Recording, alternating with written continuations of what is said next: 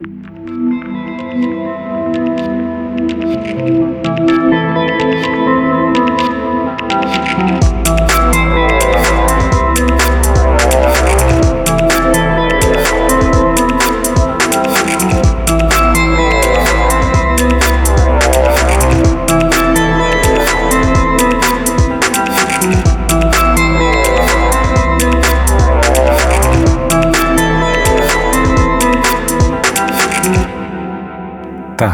vás vítám při vysílání podcastu číslo 11. Jsme opět ve studiu Resound.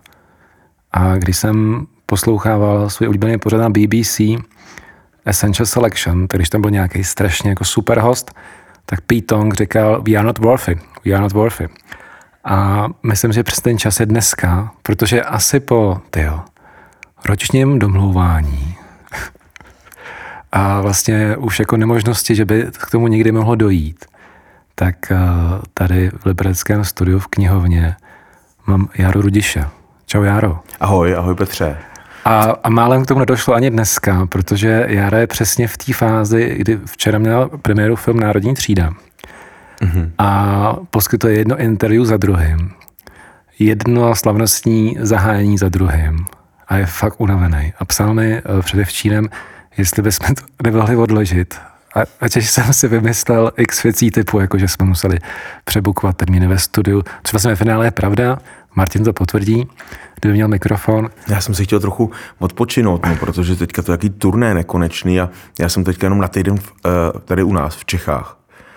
Eh, právě s tou eh, národní třídy vlastně 10 dní s národní třídou a každý večer vlastně s, s tím něco bylo. No, měl jsem pár volných večerů a nebo volných dní a teď jsem přijel z Lomnice nad Popelkou, odkud pocházím, do Liberce, kam se samozřejmě strašně rád vracím, to víš. Návrat ztraceného syna. Nakonec s tímhle městem mě spojuje i řada příběhů a 8 let mýho života, univerzita technická, na který jsem tady studoval, ale vlastně jsem si říkal dneska, že protože dneska, dneska točíme to v pátek a dneska je 27. září a t- e, včera skutečně ten film šel do kin, já ho uváděl v Semilech, dneska ho uvádím doma v Lomnici nad Popelkou v našem nebelovském kině a tak jsem říkal, že si dám takový jako odpočinek, e, protože to bude určitě dlouhý večer dneska v Lomnici, přijede hodně kamarádů. Se vždycky se říká, že, daleka. že pán Bůh se ti pomstí tím, že ti splní to, co si přeješ. tak si myslím, že jako teďka, teďka je, je, ten, je ten čas. Mm. To je zajímavé, to já vůbec jsem třeba takhle na tomhle nepřemýšlel, když jsem začal psát, mě to nikdy nenapadlo, že by to mohlo někoho zajímat, že budu spisovatel, když jsem třeba tady studoval v Liberci. Já se pamatuju ten okamžik, kdy já jsem se dozvěděl, že uh, něco píšeš, mm-hmm. Když mě naše společná kamarádka Becky, mm-hmm. tak mě psala... Zpěvačka kapely Freak Parade. Zdravíme. A teď má, teď má butik, butik někde na Čiškově Přesně. s takovýma old school, old school mm-hmm. hadrama, že? Mm-hmm. No, výborná, spě- výborná zpěvačka a já si myslím, že třeba ta kapela Freak Parade tady z Liberce, která sestavená z Angánů, Amíku a Čechů, eh, kteří se tady potkali, že mi jako neuvěřitelný drive, jo, že to pro mě třeba taková ta energie těch devadesátek, že eh, nezopakovatelná vlastně. A teď nechci mluvit jako nějakou nostalgii, nebo to, ale ta, ta já jsem, jak jsme tady eh, chodili na, na pivo tady černýmu koňovi a že se tady dělají jako zajímavé věci i v tom Liberci všude, že to strašně, myslím, že se dějou taky teďka, ale právě ta, ta, ta, ta i zahraniční energie, že najednou se tady po Liberci potulovali lidi, co mluvili anglicky s americkým přízvukem a britskou angličtinou, eh, Švýcaři, Němci, Rakušáci, kteří tady začali učit na nás na pedagogické fakultě, to bylo jako hodně zajímavý. Takže byla to velká doba. No a každopádně Becky mi říkala, mi psala, mm-hmm ty to ví, že Jára napsal knížku? Nebo pod Berlínem asi. No že? a moje reakce byla, to teďka už každý píše knížky. jo, jak, jo. jak hluboce, jak hluboce jsem se mýlil. No jo, víš co, Petře, to je... Uh, mě to taky nenapadlo, ta knížka, a myslím si, že nikdo by na ní nevsadil tenkrát, nebo um, můj nakladatel vlastně, jo. Tomu to přišlo strašně zajímavý příběh z Berlína, můj nakladatel Jáchym Dvořák z Labyrintu, který mě vlastně trošku jako přinutili napsat. Já jsem psal takový krátký povídky, poslal jsem to nejdřív mailem kamarádům a pak v právu v literární příloze Salon, kde jsem pracoval, nějaký dvě otiskly a on si to přečet a říkal, hele, to je zajímavý, napsal mi. A pak za mnou přijel do Berlína a říkal mi, hele, to je zajímavý tyhle ty eh, takový un, lehce undergroundové popový příběhy z berlínského podzemí, nechceš to poskládat do knížky? A tam měl vypadat nejdřív úplně jinak, takový jakoby průvodce Berlínem, jo, trošku, ale pak ho to zaujalo, že by to mohla být vlastně jakoby literární knížka Beletrie. A také se zrodilo Nebe pod Berlínem, což je knížka, která vyšla v roce 2002 a všechno hodně věcí změnila. To teďka se vlastně překvapivě, i když třeba z, z mýho pohledu, upřímně, jo, jo, tak je to taková jako první knížka, mi bylo 29, 30, a něco tam mám rád a za něco se takového jako, jako přijde trošku trapný. A jsem překvapivý, ale že se to pořád, jako, pořád vlastně prodává. A... No, mimochodem, mimochodem, a většinou to lidi tu knížku mají spojenou s Berlínem mm-hmm. a, a, s tím životem tam. Berou si ji tam pořád do teďka, jako na, když tam jedou, třeba někdo studovat. Ale tam se, tam se dost jako velký prostor věnovaný událostem, který teďka právě se připomínáme a byly mm-hmm. před 30 rokama, to je vlastně, že východní Němci, kteří přijeli prostě do Prahy to je pravda, na tu tam, ambasádu. To a tam, pravda, to, a tam to, to celý je. Mm-hmm. A já jsem, teď, když jsem teďka se připravoval na ten náš dnešní podcast a jsem si procházel ty knížky, mm-hmm. tak mi tam došlo, že v podstatě to, co se dneska jako říká, že moc autorů, ať už eh, spisovatelů, filmařů, moc jako neumí reflektovat tu, tu realitu. Mm-hmm. A, a skoro no, jsem si jako procházel no. tvoje knížky, tak jsem si říkal, je to taková jako kronika, kronika těch, eh, těch vlastně, řekl, naší generace. Mm-hmm. Martin, tahle, že vidím, tak jsem si vzpomněl, někdo by, někdo by říkal, že, že tady bude co nahrávat, mm a že jsem, že jsem, že, a že teda mají strašnou radost a že si jsem, že si jsem, že sehnali producenta a mi teďka trapně při tom živém vysílání, bože by mě vypadlo jméno, Tata Boys producenta. A, Dušan Neuwirth. Tak, děkuji, ježiš, má ještě Dušan Neuwirth mě zabije. Dobrý kamarád, a, eh, a já jsem, skladatel, skvěl, fenomenální, myslím, muzikant, který s náma hraje v Kafka Band. A já jsem jako říkal, říkal Martinovi, to, to je super. A on tak jako koukal a říkal mi, no jo, to je ten hrdina vaší generace. a, já jsem, a já jsem si... To on produkuje mimochodem spoustu mladých kapel. Jasně, jasně. Takže, ale já jsem si na to uvědomil. A je velmi žádaný jako producent. Obávám se, Martin to možná vystřihne, tady tu pasáž. Ale, ale ne, já jsem si na to konto, on to nemyslel zle, ale uvědomil, že jak jsem mluvil o tom, že to je vlastně kronika naší generace, mm-hmm. tak tam po mě x příběhů, který ve finále můžou jako být prospěšní třeba pro lidi, kteří tu dobu nezažili, mm-hmm. nebo pro nás, kterým v té době bylo, mě bylo 14, mm-hmm. takže tak jako jsem to úplně jako nevnímal. A když člověk vidí ty, vidí ty události a, a třeba čte tu knížku, kde to vlastně je napsaný, mm-hmm. tak, eh, tak to zase takový ten, ten malý příběh, který vlastně ti pomůže pochopit velký dějiny v úzovkách. Mm-hmm. A to samé tohleto, to samé tohleto si myslím, že je v uh, Konec banku v Helsinkách, mm-hmm. kde třeba pro mě to byl, to byl vlastně román, kde já, když jsem to jako, když byl ten konec, tak jako, tak mm. doufám, to nebezní, ale fakt jsem se u toho jako rozbrečel. Mm. Jak to bylo jako dojemný, no, to, jako bezradnost té doby. To je vlastně hezký, ne? Jako bez, no, asi, asi jo. Že asi. ty emoce fungují tak jako umění, který nevyvolává emoce, to taky nemám moc rád. Já jsem rád, že se lidi vlastně, eh, byl jsem na pár projekcích Národní třídy, teďka přítomný i v sále, lidi se jako hodně smějou a nakonec jsou jako hodně dojatý z toho příběhu. A to je i z té knížky Národní třída, ten příběh tohohle Vandama, nejednoznačný, velmi agresivní postavy eh, na jedné straně, a na druhé straně vlastně jako křehkýho chlapa, který za tím násilím se schovává trošku, jeho jako zlomený, eh, zlomená duše. Teď jsem rád, že to funguje emotivně, takže já děkuju. Jo. Konec panku v Helsinkách, mimochodem to je stejně asi moje nejoblíbenější kniha. To, to bych třeba bych se hrozně přál, kdyby se někdo pokusil sfilmovat. Já myslím, že to je jako strašně silný příběh. Aha, aha. Což mi já jsem vzpomněl, jak jsme byli v Lipsku a jak jsme chtěli jít, jak jsme chtěli, jak jsme chtěli, jak jsme chtěli jít do toho, do toho, do toho baru. Kde se, kde, kde je inspirovaný Kantona, přesně. To jsou vlastně ty literární Helsinky z toho a, románu. A měli, ne, neměli za, tramvaje. Neměli zavírali, zavírali. Normálně, normálně nás to, co bych jako čekal jako tady, tak normálně bylo asi, já nevím. Půl jedný? No a, jako, a židle a no nás vyhnali. A já jsem, já jsem to zažil právě jinak, že jsem seděl dlouho, byli jsme hrozně překvapení, protože jsem všem sliboval, Lipsko, to je skvělé město, takový nový Berlín. A, mm, že, a byla, byli jsme překvapení vlastně. Pak jsme, jsme šli do druhého baru, kde jsme na jistotu šli ještě s místňákama, hele, tam něco, taky nás, akorát ve dveřích jsme potkali, hele, sorry, zavíráme. Spouštěli roletu. Tak jsme pak jeli spát. A si teda Jary slouží, že, ne, že to netrpělo, víte, kdo já jsem.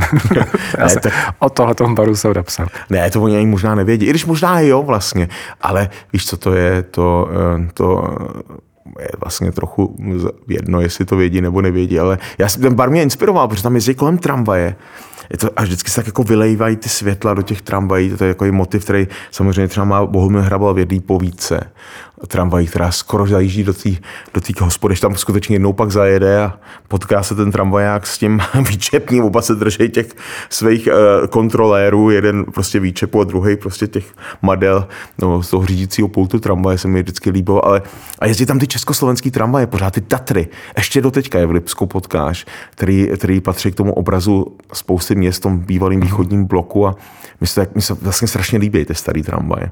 A dá se říct, jakože jeden z těch, nebo přijde mi, že když jako člověk čte ty tvoje knížky a jak znám jako tebe, mm. tak myslím, že v těch knížkách člověk vlastně, i když tě třeba jako nezná, tak když se je přečte, tak si myslím, že se hodně jako dozví jako o tobě. Mm. Myslím, že se dozví hodně jako co tě zajímá, co tě baví. A myslím si, že vlastně o tom, jak cítíš jako x věcí. Je to tak? Jakože vlastně ty do těch knížek jako dáváš? Sebe, hele, asi, asi vždycky nějak jako jo, ale nepíšu jako vůbec o svém životě, jo, protože to je hrozně malý. Já se nechám spíš inspirovat příběhama třeba konec spánku v Helsinkách.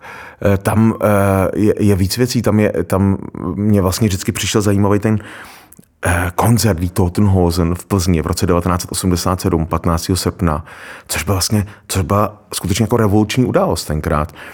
Dva roky před pádem uh, režimu, před listopadem, přijedou Die Totenhosen a Einstürzende Neubauten do Plzně hrát na festival proti atomovým zbraním za odzbrojení ve, stři- ve střední Evropě. Podobný vlastně festival, koncert byl i v západním Německu a hraje tam, a ta dramaturgie je tak postavená na hlavu, že tam eh, medle těchto těch levicových progresivních umělců ze západního Německa přijde nějaká německá roková kapela, jež jméno teď si nevybavím, ale poměrně, poměrně slušná, eh, nebo taková jako mainstreamovější.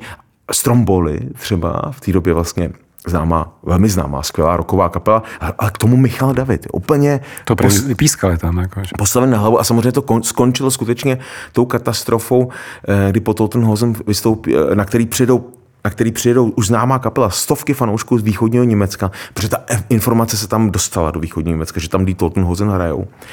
E, a, e, a po nich vystoupí Michal David a je zasypaný prostě e, kelímkama a šrotem, co tam ty lidi znají. A já jsem teďka měl čtení v Plzni, respektive uvádění, čtení a uvádění filmu Národní třída minulý týden. To byla vůbec první předpremiéra. A vždycky přijdou na čtení v Plzni lidi, kteří e, mají tuhle knížku strašně rádi samozřejmě, protože se vlastně odehrává částečky v Plzni. To je, to vždycky zapomínám trochu, že e, když to je ten lochotní, ten areál, a který tam byli na tom koncertu kterým bylo třeba 17, 18 a zažili to, tohle. No, tahle ta story je fascinující, ale to, co já... Tady, to no. je tam pak zmátili ty policajti, že jo? odvezli je na hranice, vyhodili z Československa. Oni mimochodem na to doteďka jako vzpomínají. To byl, vyšla, vyšla biografie jejich před dvěma, třemi lety v Německu. Je opravdu strašně slavná kapela. Jo. Jako mega kapela, by se dalo říct teďka. Eh, kultovní kapela. A eh, jedna celá kapitola je věnovaná Die Totenhose na politice a značná část, většina této kapitoly eh, je o, pojednává o koncertu 1987 v Plzni v Československu. Mimochodem, tady ten koncert, tak myslím, že nebo jako nějak jako, jako ví nebo tuší, ale co já jsem byl třeba překvapený, jsem úplně nedávno zapnul televizi a dávali ten, ten dokument, nebo ten hraný dokument o, o Niko. Mm-hmm. A já jsem vlastně takhle toho zjistil, že ona ještě jako pár roků předtím, v 80. nevím, pátém, že vystupovala mm-hmm. v Československu. No, jasně. Mm-hmm. A Já pak nevím jsem, přesně, který rok to byl. A pak jsem z toho googloval, že vlastně že jeden koncert byl v Brně, mm-hmm. v totálním utajení, pak byl v Praze, kde vlastně dělal jakoby eh, šefa toho klubu Linda, který vlastně mm-hmm. hnedka během toho odvezli. A Lenka Zokatová v Brně, která ji přivezla taková, taková jakoby máma undergroundu a avantgardní kultury v Brně, která mimochodem se hrála malou roli ve filmu Alois bohužel, bohužel před pár lety zemřela. A to mě úplně, to mě úplně jako dostal. Pak třeba že koncert Depeche Mode, v tom 88., mm. který jsem přijel jenom proto, že tyjo, ten zpěvák skupiny Smokey, který měl jako přijet, tak byl nemocný. A tak vůbec nevím. To no, že vlastně dělal Pragu koncert a měli, já nevím, jak on se jmenuje, no to je jedno. A tady strašní kapely byl nemocný a ta agentura jim řekla, no tak jako my vám tady můžeme jako náhradu jako nabídnout Depeche Mode. A teď jak to, jak to jako vtipný, že vlastně mm. nebyli tadyhle to jako failu, jako, že, že by se jako mm. v životě jako nedostali. Mm. A ty komunisti jako netušili, která by je. Bezilsně jsem takhle jako dovezli jako kapelu, která prostě, že ten koncert byl jeden z těch zásných koncertů. Mm. A třeba, pardon, ty fotky jejich z Prahy, z tehdejší, mm. To je mm-hmm. úplně neuvěřitelný. Jo, ty jsou na Václaváku, někde stojí u kovárny Slávie, takový otřískaný všechno. Ehm, já jsem si dneska na to vzpomněl, na tuto otřískanost, když jsem šel eh, Libercem, když jako všechno se tady strašně jako, že já to znám Liberec hodně z těch 90. let a už z 80. let. Jezdili jsme sem za tetou, nebo za příbuznými, takže to město vlastně dobře znám, vždycky je fascinovalo to klopítání přes tu německou, českou minulost. Už jako kluka se mi líbily ty občas prosvítající německý nápisy tady. A, a teď jsem šel, když jdeš jako těma zadníma uličkama, tak pořád vidíš ty zadní fasády domů, tak rozpraskaný, rozmácený, jako kdyby se to, vlastně vepředu se hodně věcí zlepšilo, změnilo, ale vzadu to zůstává takový popraskaný, jako ty dějiny, jak jsou takový popraskaný. Já to vlastně mám rád, jo. Jako když eh, Což mimochodem Liberec to je další vlastně jakoby, téma, jako silný téma, hmm. který, který v těch tvých knihách rezonuje. Mě zajímá, je, no. Co? No minim, minima, minimálně si myslím, že Určitě. v Grand Hotelu. A že teďka v Winterbergova poslední cesta, to je, uh, já už jsem se nechtěl do Liberce vracet, protože román Grand Hotel a film Grand Hotel se tady takhle odehrávají, ale ne, nedokázal jsem se tomu nevyhnout. Jo mě to, měst, já to mám strašně rád, jako to říkám bez jakýchkoliv okolků. Jezdím pravidelně přes něj, vždycky, když jedu z Lomnice nad Popelkou do Berlína, jezdím přes Liberec vlakem, někdy autem, ale většinou jezdím vlakem. Takže tady mám vždycky chvilku čas, nakonec často zajdem na kafe, třeba jenom na nádraží, do té skvělý, tam ty malý espresso kavárny. Nebo, nebo do pivo, do, do ještě lepší tamní hospody. Jo, no přesně tak, jo, to, je taky, to je taky výbor. Tam mimochodem si taky zahrála v, to, jakoby v tom, v tom mým románu. Uh, a vlastně jsou tam věci, které víc tedy ten Grand Hotel s tím Winterbergem propojují. I liberecký krematorium se v obou příbězích objevuje. Tady teda ještě silně, protože ten příběh je prostě fascinující. První krematorium v Rakousku, Hersku, který byl zprovozený 1917 a rok se tam nemohlo spalovat. Až se vznikem Československa 3. listopadu, pár dní po vzniku Československa dojde k první kremaci a to obrovská událost a v rámci ještě toho bývalého Rakouska vůbec, že se postavilo tady to krematorium. To byl strašný jakoby i skandál, společenská debata veliká kolem toho se vedla. To mi přišlo jako strašně napínavý, tyhle ty příběhy najít. A osoba toho architekta Rudolfa Bicana, který mm-hmm. to mhm. krematorium postavil, který postavil tady i řadu vil, ještě v Liberci, ale jinak působil hodně v Sasku, v Drážďanech a jeden z architektů liberecký, eh, eh pardon, Lipského hlavního nádraží eh, v Lipsku, což je ikonická stavba železniční architektury, tak to je taky takový zajímavý hrozně příběh. Já jsem třeba nevěděl až při práci na tom románu, když jsem se začal víc zabývat o, ten, eh, o tu postavu Rudolfa Bicana, který se narodil tady ve stráži nad Nisou, tak mě, a zemřel jsem v roce 38 nebo 39, tak, tak jsem zjistil, že má jednu stavbu v Lomnici nad Popelkou, odkud pocházím. Tam je opravdu jako jeden, jeden divný dům, eh, takzvaný úřednický dům, úředníků textilní továrny, bývalého Technolenu, eh, šlechtovy textilky. A to je jako fascinující. Pak, pak mi to teprve došlo, že on vypadá opravdu tak jako německy, tak jako Sasky. Když pak vidíš jeho, jeho realizace e, z Drážďan, tak si říkáš, to je dům, který by mohl stát v Drážďanech a stojí ale v Lomnici na Popelkou z roku 1921. Jako to, mě, hmm. to mi přišlo vlastně strašně jako zajímavý. Tak, takže se tam, no, já mám, mám rád ty dějiny a příběhy a tady se v Liberci zase znova zmotňují i ty napínavý dramatický dějiny samozřejmě eh, těch česko-německých příběhů. To je vlastně takový pocit, který já mám vždycky, když uh, jsem třeba v Drážděnech, anebo potom i ve Vroclavi, mm-hmm. a najednou se připadám, mm-hmm. vždycky, když tam jsem, tak se připadám, jako by byl v Liberci. Mm-hmm. ten duch těch měst je jako strašně, strašně podobný. Tak je to blízko, samozřejmě, je, to, je, to, je, to, je, je nám to...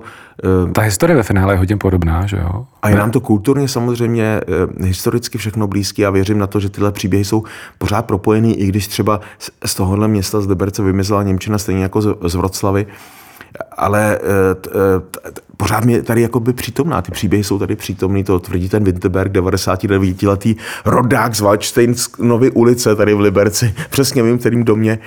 E, nakonec jsme se procházeli že, po stopách spolu toho e, románu.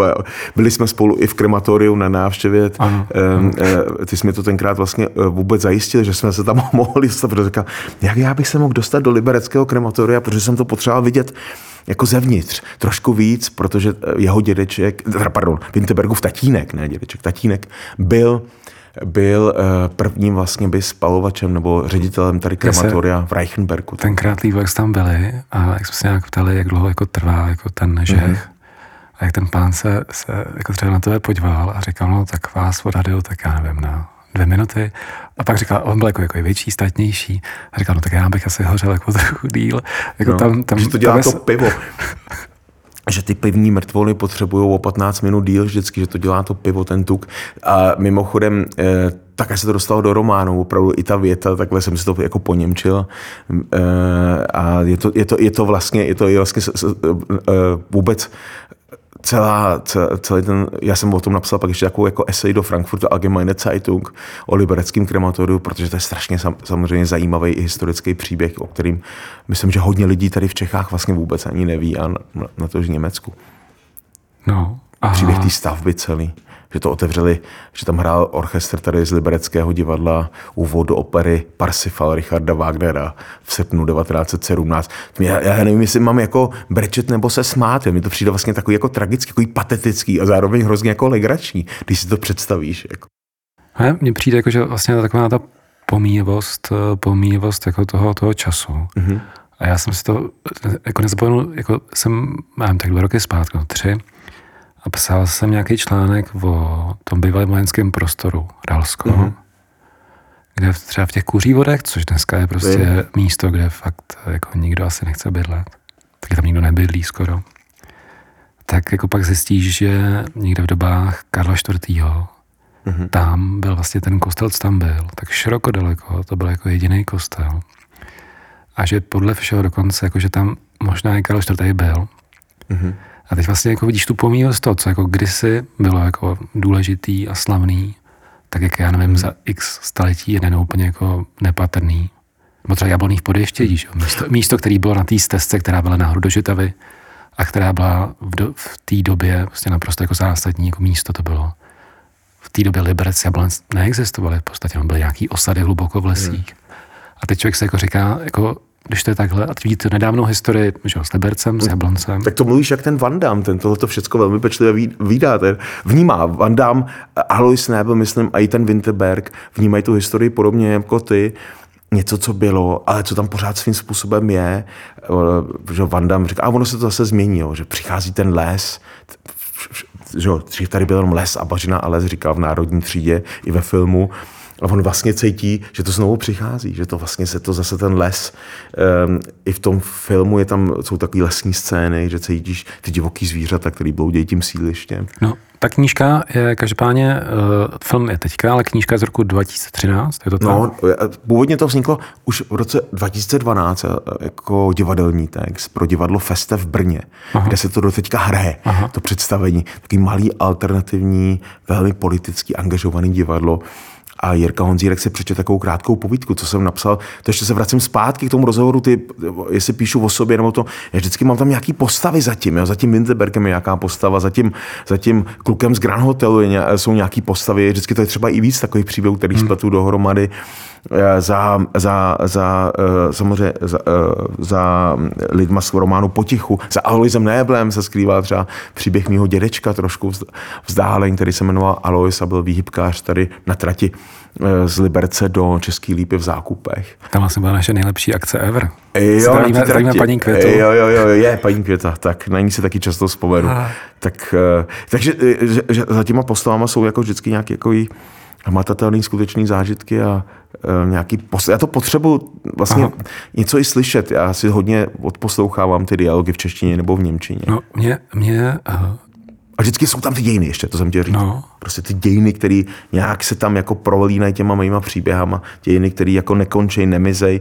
My si myslíme, že to jsou strašně staré události, všechno, ale já si jsem o tom přesvědčený nějak, jako nebo ty mý postavy, že jsou tady pořád s náma. Proto ten Bandam vnímá ty bitvy a mluví o nějakých bálečnících a nevíte, jestli to jsou z budoucnosti, ze současnosti Aha. nebo z dávné minulosti, který se mu tam vynořují. Mě na té knížce zpětně, mě se líbila už na začátku, a teď neříkám, že tady jako seš, tak toto, ale, ale teďka zpětně na tom fascinuje to, jak si myslím, že ta knížka vyšla v roce 2013 a vlastně si myslím, že předznamenala události, o kterých tenkrát nikdo nemohl vědět, že takhle dopadnou. Mm-hmm a teď mám na mysli Brexit, mám na mysli, to uh, mám na mysli jako uh, tra- Trumpa prezidentem, uh-huh. zvolení, a že bych řekl, že mm, ten Van Damme a lidi jako je on, si myslím, že v podstatě jako zapomenutý, opomíjený, uh-huh. přehlížený. Vlastně někdo, kdo jakoby je, je uh, jak bych to řekl, ta společnost je uh, jednak přehlíží a vlastně ji má jako povrhuje tak bych řekl, že jak v tom Brexitu, tak vlastně i, i při tom zvolení Trumpa najednou jako se zjistilo, že jsou tady, že žijou tady. No najednou jsou že, že, pardon, že, že vlastně, a, a že vlastně x věcí štve, a vlastně myslím, že jedna z věcí, která je štve jako nejvíc, že vlastně nejsou slyšet. Mm. A vlastně se říká, že, že ty volby byla vlastně pro ně jako jediná, jediná, jediná příležitost, mm. jak jako říct, hele, my jsme tady taky mm. a, a chceme, abyste nás poslouchali. Mm. A to, no. Je to možný. Já myslím, že ty čtenáři a diváci filmu uh, vlastně vědí o, tom, o těch postavách, o tom příběhu víc než ten autor, co to napsal. Měl jsem včera strašně zajímavou diskuzi, po, uh, skoro hodinovou diskuzi jsme měli v Semile v kině, kterou ten film vyvolal z rovných okamžiků. Velmi i, i přesně tyhle ty otázky se tam objevovaly. Eh, a podobný tohoto, to, tohoto téma. Ten, já myslím, že to je dobře, že ten film vyvolává určitý reakce, že je trošku kontroverzní v tomhle tom, že, že jestli ten Van Damme je dobrý nebo špatný a jestli, jestli jsme ho třeba neudělali moc hezkýho, eh, jestli uh, on vykresluje moc pozitivně, to se taky objevilo, jo. někomu přijde zase strašně temnej a zlej jako člověk. Já si myslím, že hm, to, ta pravda je někde, právě proč je ta postava zajímavá, je, že je, že je kontroverzní a že to je, že to je taková chůze po tenkým ledu, že se to vždycky můžete propadnout, to vždycky se z toho vyhrabe a že říká věci, které Eh, který třeba, eh, já taky bych nechtěl úplně, eh, není to úplně můj svět, já jsem taky komfort. A to vy si to myslíte, co, co on si myslí, jako ten Van Damme? Samozřejmě si to takhle nemyslím, ale já vím, že to, že, to, že někdo takový jako on, neznamená, že se nemá cenu s ním bavit a ne, neslyšet ho a neskoušet s ním komunikovat a mám pocit, že pak se stávají právě ty lidi, kteří jsou třeba takhle stranou, stranou obětí těch populistů a těch pravicových, třeba i extremistů, eh, okamurovců a eh, tyhle ty party, která je vlastně zneužije jakoby, pro svý, pro to svý se, Ty to se stalo v tom Brexitu, že, že vlastně... No, ale i u nás se to vlastně trošku stává, že jo. Tyhle ty politici je vlastně zneužívají trošičku. A je to trošku, myslím, prohra i ty eh, normální liberální Eh, politiky nebo těch stran, že, se, že tyhle lidi nedokáže oslovit a eh, nabídnout jim nějakou, nějakou cestu. Jo. Hodně lidí tady žije opravdu v dluhových pastích. Nejen, eh, nejen u nás, v České v České republice mají problémy, existenční problémy. A um, mám pocit, že se jim věnuje malá pozornost. Já jsem, teď jsem si vzpomněl, jsem no, dva dny zpátky, tak jsem čet ten dlouhý text Petra Pedharta, nevím, co jsi to čet, eh, jak on to vlastně napsal. Aha, ne, něco, ne. jsme jako sami. Že taková vlastně taková revize Aha. toho od roku 89. A jak to vlastně, vyšlo? Uh, to já nevím, v kterých novinách, jestli to, to se nespomenu. Tak to si musím najít někde. A, mhm. a vlastně myslím, že ten smysl byl v tom, že jakože jedna, která, jak vlastně to Československo, dneska Česká republika, jak jsme vlastně postupem času, vlastně fakt, že jsme snad jediný byli z mála vložně ryze jako národních států, kde prostě, že v České republice žijou jenom Češi, až nějaký jako výjimky. No tak. A že vlastně se všechno stalo, že, že vyhnali se Němci a rozdělili jsme se Slovákama, a že tady jako nejsou, že, což mm-hmm. bylo úplně naší, mm-hmm, nebo naší vinou. Mm-hmm. A tady to řekl jako jednu věc, takovou jako dost zajímavou. Mm-hmm. A což si myslím, že ve finále taky dost jako reflektuje tvý knížky. A, pak, a pak jsme se padlo ještě jedna věc, že říkal, že vlastně dochází ke strašnému jako dělení mezi Prahou a vlastně tím zbytkem té republiky, mm, to, tou vesnicí. A, mm. a bylo to takový jako zajímavý, což on má jako většinou zajímavé texty a, a myslím, že jako super jako popsaná, popsaná ta, ta současná doba, ale mm. zároveň jako spousta otazníků, kde se prostě napadne OK, ale jako co s tím? Mluvit. zasypávat ty eh, příkopy, když se to zdá hrozně těžký a hodně lidí to vzdává a já, já taky vím, že to nejde vždycky a mnohokrát jsem se někde jako pohádal a člověk ví, že prostě dost často se snažíte třeba mluvit nebo vysvětlovat, ale někdo o to třeba vůbec nestojí eh, že mu někdo něco říká a zkouší argumentovat. Je to strašně taková doba nabitá emocema, že jako mám pocit někdy, že vlastně vůbec nejde teďka o nějaký argumenty nebo rozum, jo? Že, že jde jenom o emoce. Jo? Toho vlastně taky využívají vlastně ty všichni populisti. Jo? Eh, za kterými jsou jenom jako výkřiky, takový tupý. Ale eh, ten mimochodem, to jsem napsal podobně do doslovu německému vydání Národní třídy o téhle naší cestě k určitýmu smutku a samotě tady v té naší české kotlině vemte si opravdu, nebo si, my jsme vždycky, to byla země, kde se mísily jazyky a možná i kultury, i když možná jsme byli všichni jedna kultura, že se to nedalo oddělit, že se tady mluvilo česky, německy, žili tady Němci, Češi, Židé, eh, samozřejmě v, eh, v Rakousku, Hrsku, to je úplně, my jsme, my jsme vzešli z velmi multikulturní společnosti, tam, tam... multijazykové společnosti a udrželo se to vlastně strašnou dobu, je to neuvěřitelné, když vezmete, že jsme žili skoro 400 let eh, v Rakousku. Naši, no, určitě pravděpodobně tvoji předkové, nebo moji oba pradědečkové bojovali ještě za Rakousko v první světové válce a asi by nikdy nenapadlo, že vznikne, že vznikne Československo.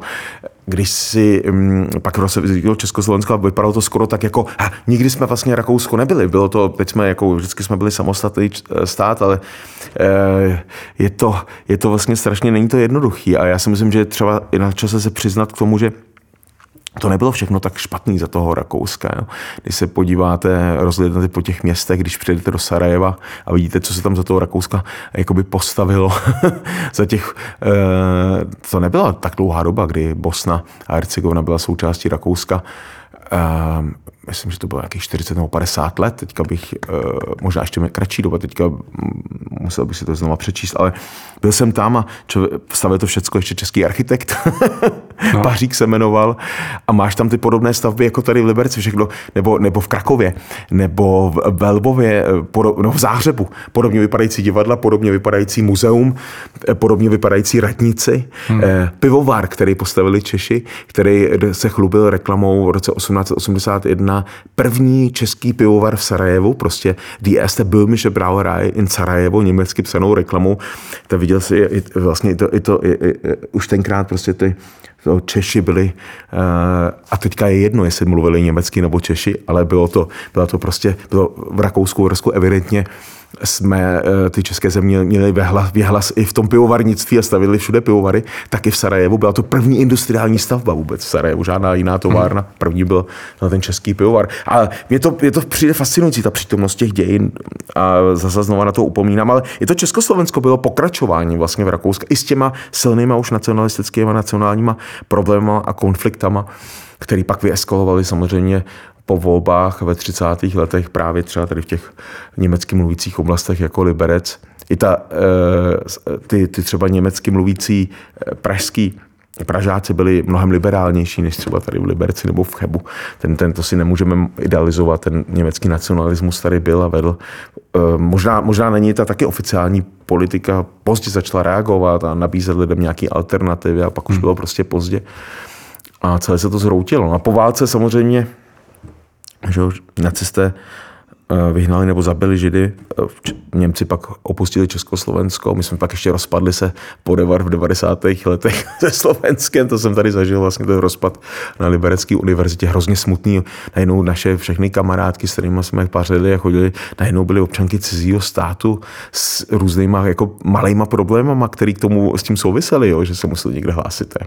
A najednou měli nějaký zvláštní jiný bankovky a takový zvláštní pocit. Myslím si, takový, to byl, to byl fakt divný pocit, ten rozpad Československa. On tam, Pirhar tam píše vlastně jako, a říká, a teď jsme sami. No. Že vlastně, že vlastně jako... Co, tak to je super, to, protože to přesně tam píšou v té jakoby, jako, jakoby jako, to je super. Ne, ty, to je ty, to ty s někým jako žiješ, máš třeba jako nějaký neschody a, no. a vlastně si říkáš, no tak se to nejvíc vyřeší, jako že prostě se s těma rozejdu. A vlastně takhle se rozchází s jedněma, s druhýma, se třetíma a, a pak sedíš, sám. A jako Vandam sedíš prostě v tom svým jeho panelákovým prázdným bytě, eh, koukáš z okna, piješ lahváče, eh, a protože to je citlivý člověk, tak vnímá, že se jako v té společnosti něco děje, slyší zvuky toho lesa hororový, který v dobrým kyně taky skutečně uslyšíte. A pak jde do té hospody a to jediná rodina je vlastně ta jeho, ta jeho Eh, ty, ty jeho kumpání z hospody, který ale on je to docela chytrý člověk, na rozdíl od nich. On se prostě, když s nima sedí, tak eh, to je v tom filmu cítit. Některý kritici to tomu vyčítají, eh, ale i v té knize to je, eh, že, že má vede takový jako monology, tak filozofuje trošku a když s ním mluví, tak mluví prostě trochu jako jiným jazykem, ale ta postava je komplikovaná a v té knize to je taky už přítomně, to jsem chtěl, ale když prostě se, když jdete, když, jdete, když, když, když prostě s partou zedníků na pivo, tak uh, mluvíš jako oni a já to mám rád. Sám jsem na mnoha stavbách pracoval, dělal jsem v pekárně. Eh, vždycky mi to vlastně ten svět jsem z úplně obyčejného prostředí vlastně a doteďka chodím rád na pivo do normálních hospod, ne do, do nějakých eh, předražených. Teď otázka, jestli, jestli ten náš jako současný stav, to má nějaký řešení. Já jsem hmm. ještě vzpomněl na to, že vlastně to, že uh, takový... Všechno má řešení. Já ještě, když jsem pardon, chodil, chodil hmm. na školu, na výšku, tak my jsme tam nějaký předmět a učil nás Frank Bolt, což já jako zpětně jsem zjistil, jako, jaká to byla velká mm. jako persona. A on nám řekl takový mm. dost jako zajímavé věci. Třeba to, že jeden z těch důsledků jako těch dějin, co jako stalo, jak jsme všichni vyhnali, řekli, no a jeden z těch jako důsledků, který ve sami pocitujete teďka, že vy nemáte přirozený název pro vaší zemi. Je Rakousko, Německo, Polsko, ale vy jste Česká republika. A Česko při vší ústě není prostě přirozený název. Mm.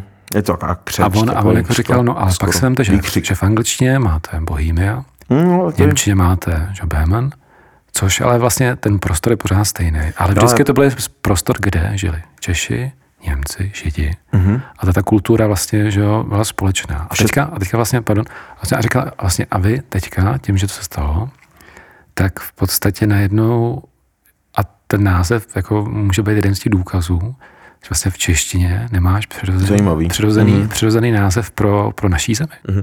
Je to zajímavá myšlenka tohle.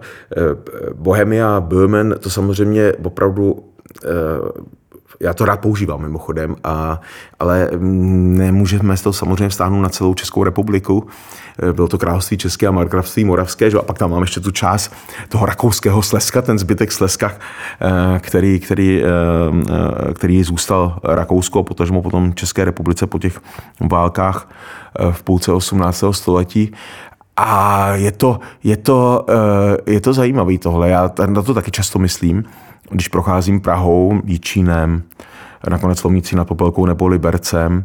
Eh, my jsme tady v knihovně, kde děláme, natáčíme rozhovor, tady stála obrovská synagoga, kterou nacisté zapálili. Eh, člověk, eh, je to vlastně tragický ten osud samozřejmě spousty libereckých židů, českých židů, vůbec ten eh, celý, celý to si ten Binteberg uvědomuje, on je fanoušek železnic, chtěl být na dráze, eh, ale ví, kam ty koleje taky vedou, stejně jako to ví třeba Alois Nebel v těch příbězích, s čím jsou spojený prostě i železnice. Ale jenom, co chci říct, že vždycky na to myslím, na tu naši minulost, a, když, a je to nutné si to připomínat, když ty nacionalisti pak říkají, no jo, musíme se vrátit té české hrdiny minulosti, tak absolutně jako Oni to samozřejmě nevědí, protože eh, řada z nich prostě to nechce to ani vědět a, nebo, a ty, co to vědí, tak to zápírně vypouštějí, protože jim to nehodí do toho krámu, protože to je moc složitý. A vlastně by popírali sami sebe, když říkají, vrátíme se k české hrdý minulosti, protože to je minulost psaná nejen česky mluvícími Čechy, ale německy mluvícími Čechy, eh, českými Židy, ale samozřejmě i dalšími eh, národy a eh, jazyky, který, který tady k našim příběhům patřili. Že vždycky u, u Brna na hranicích žili Chorvati, u Ostravy žili Poláci na Slovensku spousta Maďarů, eh, která tam doteďka žije. Eh, I ty patří k naší kultuře stejně jako k ní patří naši Romové. To prostě tak je a, a vždycky to tak bylo. A kdo to nechce vidět, tak vlastně je historicky slepý. A proti té slepotě a hluchotě bojuju, se snažím bojovat i tě, těma mýma postavama, i tím Vandamem, který je, který je na první pohled taková, jako je jakoby nácíček a taková mlátička, ale ví toho o těch dějinách hodně moc a ví, že jsou v nás. Mimochodem, v knihovně, teďka sedíme, tak ta mm-hmm. stavba jsme stavba smíření. Přesně tak. Ta vyrostla, že vyrostla tady vlastně na místě té původní synagogy, nová synagoga, a nad, stavbou, nad tou stavbou přes záštitu Václav Havel a Roman Herzog. Já, pro mě to Což... bylo třeba strašně důležitý uh, akt uh, tenkrát a velmi doteďka uh, Říkám, v Liberci jsem velmi často, chodím, eh, jezdím sem, přestupuju tady, vracím se, mám tady kamarády, že nakonec.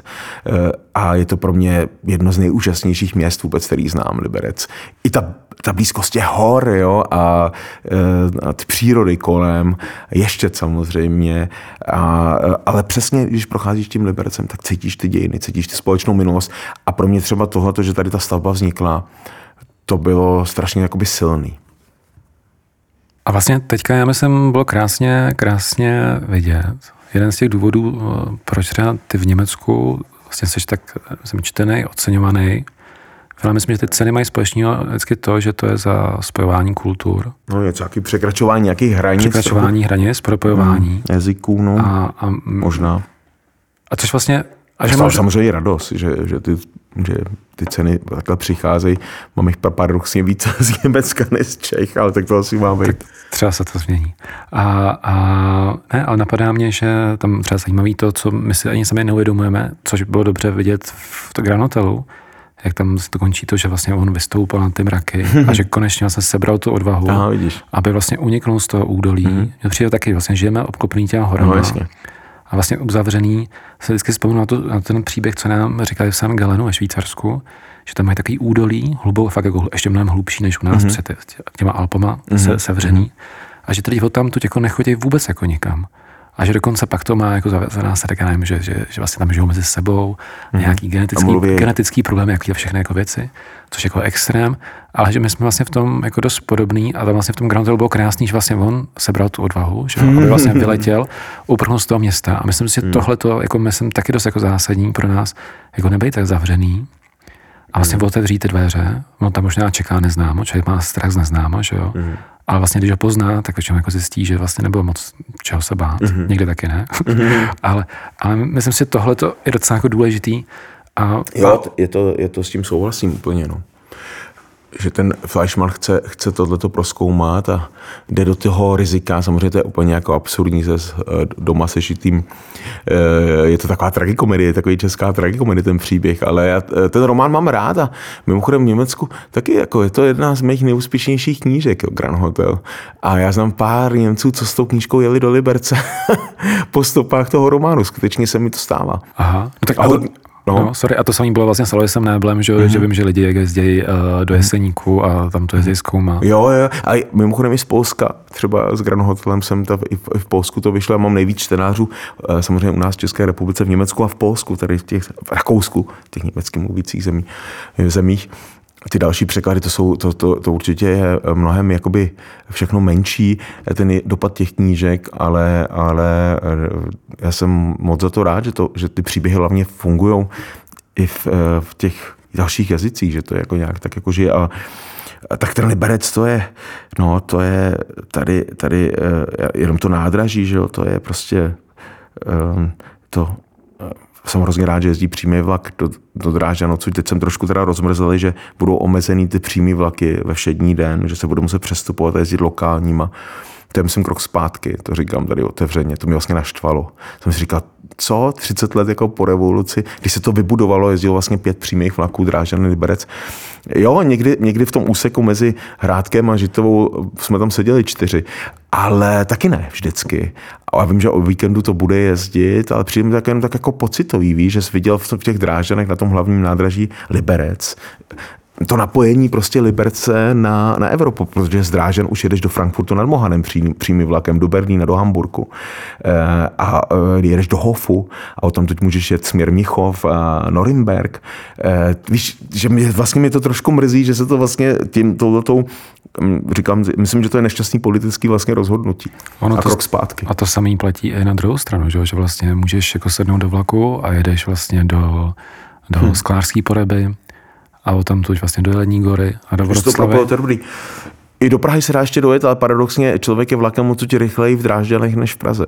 No, to je, to je, to je, to je hrozný. Ale, ale že... Ale tak hrozný to není. Já mám na těch železnicích rád eh, určitou jakoby zpomalení a myslím si, že to hodně lidí eh, potřebuje trošku a eh, že železnice čeká, jsem o tom absolutně přesvědčený, velká budoucnost. No čas po času zpomalení je fajn, tam je třeba blbý, když někdo dojíždí do Prahy třeba každý den a měl by jezdit jako vlakem, tak si myslím, že, že, že, že, by to asi neklaplo. To nejde. Ale, ale Uh, mě teda, co mě, co mě na tom fascinuje a co mě jako strašně baví, když v Libercu na, Liberci jdu na nádraží a teď slyším jako to hlášení, že mezinárodní vlak, mm-hmm. jako že jede pře do Drážďa, nebo že jede vlastně do, do, do toho Polska. Že, že rychlík do Norimberku v 90. letech, Norimberg, uh, Reichenberg. Fakt? Norimberg, Liberec, jezdil chvilku, no. Bo, ča, uh, přes Cheb, přes Cheb a Ústí nad Labem, Děčín. Aha. Někdo mi, někdo mi tuhle říkal, že že vlastně... Nebo s přímými vozy určitě. Nejméně a... tak, ale myslím, že to konce to bylo jako přímý. Někdo mi tuhle říkal, že, že vlastně ty, jako ty dá říct, jako hvězdní doby naší historie, třeba vezmeme první republiku, nebo tu dobu po 89. po 68. nebo tu dobu předtím teda spíš, tak eh, že vlastně tam pak nebyl jako ty, ten normální stav, ale vlastně abnormální stav. A že vlastně, že my jsme jako ta řeka, která prostě takhle meandruje a že čas od času někdo jí prostě se snaží narovnat, což jsou ty doby, Havel, Masaryk, Karel IV. A, ale pak vždycky je ta řeka tou svojí silou vlastně to narovnání si odmítne. Mm-hmm. Co je takový dost jako depresivní, já bych tomu jako chtěl jako nevěřit. ale t, a, a, a, tak se jako říkám, co, co vlastně jako uh, udělat, aby, aby, aby jsme se nějak vrátili třeba k té jako šťastnější době a, a nebyli tak uzavřený před tím světem. Myslíš, mm-hmm. že to má jako to nějaké jako řešení? No, ta uzavřenost, já myslím, že to jako mění trošku, jo? že na jedné straně máš lidi, kteří um, nechtějí s tím světem mít nic společného, ale stejně nám nic nezbyde, než s tím světem um, na ní být napojený a bohužel tomu souvisejí i různé tragédie, které uh, přicházejí, uh, různé krize a myslím, že nás čekají zejména s tou klimatickou změnou, že to bude to um, velmi, velmi ještě napínavý, co nás čeká. Jo? Teď jsem četl rozhovor pobývám ve Švýcarsku tři měsíce na stipendu v Cugu u Curychu s jedním, s jedním švýcarským odborníkem přes ledovce a ten říkal, že v Alpách už jsme prohráli, jako, nejen jako jak Švýcaři, Němci, ale jako lidstvo. V roce 2100 už nebudou ehm, v Alpách žádný ledovce. Bude to velká změna, protože to jsou samozřejmě velké zásoby vody, drží pohromadě ta, ta, ta ledová masa, ten permafrost, ty hory pohromadě, ale že už to nejde zastavit v současné době, že už to tak postoupilo a to vám řeknou lidi, když přijdete do Alp a bavíš se tam s někým právě někde v těch údolích, tak jsem byl teďka v jednom takovém údolí v jižní, eh, ve západním Švýcarsku, v městě Kštát, což je jako, jako lyžařský eh, středisko a bavil jsem se tam s jedním mladým klukem, co se vrátil do svého údolí po deseti letech, co žil všude po světě a pracuje tam v turismu a říkal, tenhle ten ledovec, tam mi ukazoval, ten, to je ledovec tamhle. Ale je mu třeba 35 a říkal, hele, ale to ustupuje za tu dobu, co já se na něj koukám, protože vždycky vyjdeš ven, vidíš ten ledovec a tam je druhý ledovec, tak neuvěřitelně jako ustupují zpátky a mizej ty ledovce. Je to, jsou to nevratné změny. Já se trošku a, pardon, no, utěšuju tím, že nebo s mou oblíbenou knížkou Černá labuť, mm-hmm. kde vlastně ten, já nevím, jestli, jestli ji znáš, Vím o ní nečet, ale... Kde vlastně on no. tam vlastně píše, že všechno, nebo spousta věcí, které se v dějinách staly, tak to nebo většinou neprobíhalo tak, že se to předpovídalo. Mm-hmm. Tak jak nikdo nečekal, že bude první světová válka, jak nikdo nečekal, že bude druhá světová válka, jak se říká, že žádná, žádná další válka není stejná jako ta předtím. No tak samozřejmě. A že vlastně, eh, a teď to nechci jakkoliv zlehčovat, to se děje, což vlastně jako je, je, jak bych to řekl, viditelný, ale že vlastně nikdy, to samé, když se říká, že bude ekonomická krize, tak nikdy vlastně mm. není, že vždycky, vždycky se to stane. A on říká, černá labuť znamená to, že vlastně vědci strašně dlouho mysleli, že jsou jenom bílí labutě. Zkoumali a všechno. Mm. A pak jen byla černá labuť. A oni vlastně ne, jako nevěděli, mm. ne, nebyli vlastně na to připravení. Takže mm. oni vlastně akorát dokážou připravit to, co se stalo. Mm. Ale to, co jako se nestalo, tak ty vlastně to vědecky i nemůžeš jako absolutně jako eh, zdokumentovat. Mm-hmm. A, a, říká, a říká ten příklad těch válek, že samý, kdyby někdo věděl, že se stane 11. září, mm-hmm. tak by se na to připravil. Mm-hmm. Ale protože to nikdo nevěděl, tak, tak vlastně se na to nemohl připravit. No, tak jsem, a to asi je, je tak logicky mimochodem ty černé labutě. Já mám a bílé labutě, já mám v Winterbergová poslední cesta, tam je motiv srn, který se obje, od začátku objevují. Vidějí je někde chodit a vidě, potkávají je na centrálním hřbitově ve Vídni, na ústředním hřbitově a, a, a, v národní třídě to je velká divočáci třeba, tak tady jsou srny a nakonec se jim zjeví v takové vánici stárosrna, jedna je bílá ta srna. To, je, eh, to, je, to by bylo vyprávěné, to je taky jako unikát svým způsobem. Jeden chápek mi to říkal, že takhle potkal stárosrna, jedna z nich byla bílá, eh, v ní se vlastně proměňuje pak ten nakonec ten můj hlavní hrdina trošku v tuhle srnu. No nebo ne, jestli to není, nebo jestli to není jako v tom českém ráji, že vlastně to mimochodem geniální konec to nikdy jako nebavili, až vlastně, jak tam vlastně, že jsou to, co je v té ženské sauně, mm-hmm. a vlastně pak se ukáže, že tam vlastně žádná, že tam žádná jako není. Že mm-hmm, to vlastně všechno, pro... jo, to je že to všechno, že to všechno jako představovali, že jo. Příběh tady z Českého ráje ze sauny, kam já chodím v Číně. Eh, kde se zapisují takové jakoby historky a do toho jsem samozřejmě spatlal spoustu dalších hospodských historek, a, co mi byly vyprávěný, ale je pravda, že ten svět tam u nás tý sauně je rozdělený, je to taková tragikomedie, mužská sauna, ženská sauna, mezi náma vysoká zeď. Ne, a, jak jste chlapi, pardon, jak jste chlapi jako vytváří no, jakoby ten svět jako za tou, za tou stěnou. A představují si to. Kde jsou ty ženský a, jako, a teď jako ty všechny, ale pak najednou se zjistí, že, tam, že tam jako není Je vlastně ty, ty hrůzy, které se sám jako vytváříš, mm-hmm. aby vlastně... Jo, to je zajímavý. Mě nenapadlo. Jo, nebo tak jo. jsem to jako vnímal a zase no. jako strašně jako překvapivý konec. Pro mě takový smutek strašný, že nakonec zjistí, že jsou strašně sami. V těch svých kecech uh, uh, tragikomických uh, a ne vždycky o těch ženských mluví třeba hezky, ale mají je vlastně jako rádi svým způsobem určitě a najednou zjistí, že tam vlastně žádný ženský nejsou, že jsou vlastně v takové kapsli, letějí vesmírem a, ale taky mimochodem se odvážejí tuhle bublinu opustit. Že? Že by možná, kdyby možná ale otevřeli. A proskoumat ten svět. No, a že kdyby možná místo toho přemýšlení, co tam jako děje, tak by možná otevřeli ty dveře, Na začátku. tak by zjistili, že tam nikdo třeba není, no, nebo že mají jít jako někam mm-hmm. jako jinam. Mm-hmm. Takže, takže... A ten, jo, já to jsem rád, že to říkáš. A tu knížku, to je taková ma, ma, menší knížka, ale to ví, co se s ní stane. Národní třída je taky malá knížka, nikdy by mě nenapadlo, že by z toho mohlo vzniknout jako uh, uh, tolik divadelních představení a že z toho bude hrát ve Španělsku, v Portugalsku. To, to jsem vůbec nechápu, že to tam lidi mají jako rádi a že, že s tím si dokážou počít s nějakým prostě rváčem z pražského sídliště a, a oni ti řeknou, no ty to je všude. To tady máme takových vandamů taky, co bývalých policajtů jo, a takových jakoby zlomených rváčů, kteří jsou vlastně zlí a zároveň je v nich něco dobrýho. Jsem překvapený a e, ten český ráj, to je e, tak Dobře se to prodává jako knížka, jsou to hodně chlapy, ale i ženský, to jsem rád, protože já jsem říkal, to budou číst jenom chlapy, to je prostě mužský svět, ale čtou to i ženský, který se rádi dozvědějí a pobaví a zasmějou chlapům nám. Tak, my se chýlíme k závěru a na závěr ještě jedna klasická obligátní otázka. Jaké jsou tvoje nejbližší plány do budoucna? Eh, no, tak teďka mě čekají, eh, se vracím do Švýcarska, dopisuju tam hru pro divadlo v Drážďanech která se jmenuje Anschluss a je o Češích a Sasech. Odehrává se v Krušných horách, takový opuštěný nádraží kde žijou poslední čtyři lidi, prší tam celou dobu, v té nádražní budově rostou houby a mech a ty tam čekají na takový konec světa, ale doufají, že se ještě něco jako stane, že se něco stane, že eh, a rozhodnou se, jeden tam uspořádá konferenci o připojení Saska k Čechám nebo Čechů, Čech k Sasku. Je, ví, vidí tu historii společnou minulou a je to tam možná postavený celý na hlavu.